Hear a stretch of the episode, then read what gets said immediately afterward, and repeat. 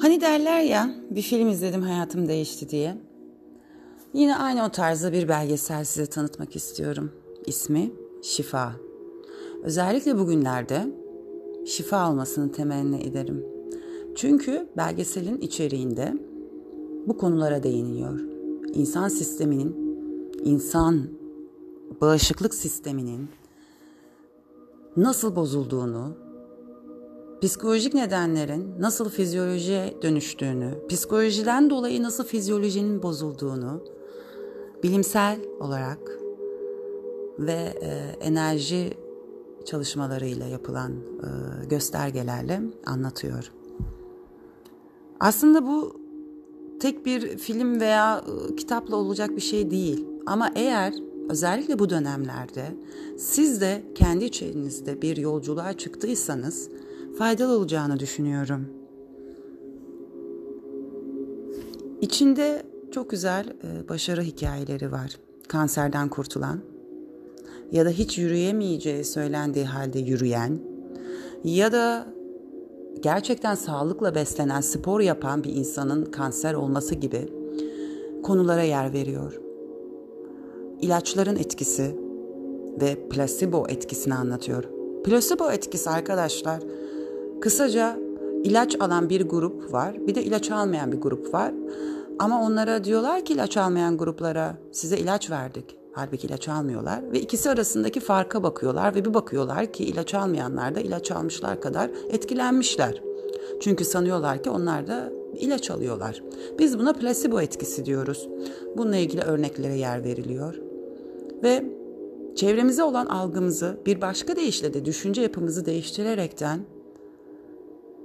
nasıl bedenen, fizyolojik olarak iyileşmenin gerçek olabileceğini kanıtlayan bir belgesel. İyi düşün iyi olsun tarzı gelebilir size. Fakat bunu kanıtlarıyla, bilimsel gerçekleriyle, kuantum fiziği boyutuyla görmek istiyorsanız size bu belgeseli tavsiye ederim. Belgeselde olan insanların zaten şimdi okuyacağım Kelly Noon'un, Deepak Chopra, Michael Beckwith, Joe Dispenza kitaplarını bilmeniz gerekiyor. Dr. Jeffrey Thompson, Greg Braden, Jon Borisenko and Marianne Williamson ve bu insanlar çok fazla kitapları olan doktor, profesör, araştırmacı yazarlardır. Hepsinden alıntılar da mevcuttur. Hazır önünüzde 48 saat varken Netflix dışında da bulabileceğinizi düşünüyorum. Belgeseli izlemenizi tavsiye ederim. Ben notlar alarak izledim. Belki başka insanlara da bu bilgileri paylaşabilirim diye. Ve şu anki koronavirüs salgınından dolayı tüm dünya insanları olarak stres altındayız. Belgeseldeki uzman doktorların en büyük düşmanımızın ise stres olduğuna dair kanıtlarıyla aktarıyor. Ve bunları size o kadar güzel e, hikaye yoluyla anlatıyor ki etkilenmemek mümkün değil. Şu anda yaşamakta olduğumuz durum her ne kadar sınırlarımızda hapsolmuş gibi hissettirse de korku ve stresin yol açacağı bağışıklık sisteminin çöküşünden kendimizi koruyacak güce de sahibiz. Fiziksel anlamda alacağımız tedbirler eşliğinde ve biraz da ruhumuzla ve bedenimizle ilgilenme vakti şimdi. Artık stres ve korkudan uzaklaşabilmek için illa bir e, teknik bilmeye gerek yok. Zaten ihtiyacımız olan her şey, cevap verebilecek her şey elimizin altında. Ve bir önceki podcastimde bir kelebeğin hikayesinden bahsetmiştim. 4 dakikalık vaktiniz varsa dinlemenizi tavsiye ederim. Orada doktorun ve şifacının kim olduğunu anlatıyorum. Ve izlemenizi tavsiye ederim. Çünkü şu anda içimizdeki şifacı ile tanışma vakti. Zihnimizi kontrol ettiğimizde vücudumuzu da bedenimizi de her şeyi kontrol etmiş oluyoruz. Çünkü zihnin gücü belgeselde de bahsettiği gibi asla asla demeyi dedirtiyor. Kanserli olan insanların iyileşmesi, yürüyemezsin denilen insanların yürümeye başlaması. Ve en güzel örnek ise bize doktora götüren hastalıkların yüzde doksanının nedeni stres. Ve maalesef ki verilen ilaçlarla uykusuz kalıyorsun. Size uyku hapı veriyorlar ama bu daha da hastalığın ilerlemesine neden oluyor. Halbuki uyuyabilmek için zihnin boş, sakin olması gerekiyor. Ve o düğme de sizde.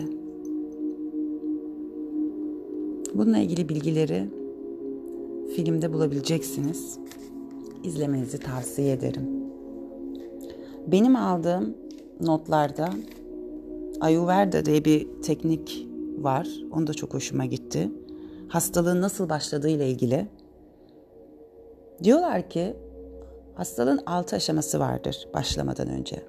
Birinci aşaması insanların biriktirmesidir. Yani hücrelerin biriktirmesi. Yani karaciğer bozulabilmesi için içeriden bir şeyin olması gerekiyor değil mi? Yoksa dışarıda gör, karaciğer göremez hiçbir şey. Ya da kalbiniz görmüyor dışarı, dışarıyı. İç organlarınızın gözü yok dışarıda, kulağı yok. Ama onlara uyarı gönderen bir beyin sinir sistemi var. Biriktirme ile başlıyor her şey. İçerimize, içimizde biriktirerek, bağırsaklarımızda biriktirerek, kalbimizde biriktirerek, beynimizde ve ruhumuzda biriktirerek. Ve sonra bu birikimden sonra ikinci aşamaya geçiyor. Biriktirdiğimiz şeyler arttıkça ki bu biriktirdiklerimiz besinlerden bahsetmiyorum.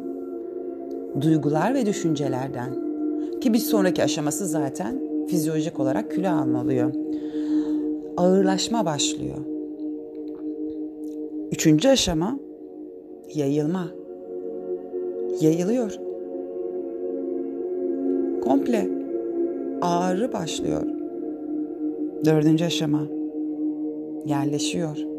Yayıldığı her yere yerleşiyor bu duygular. Organlara.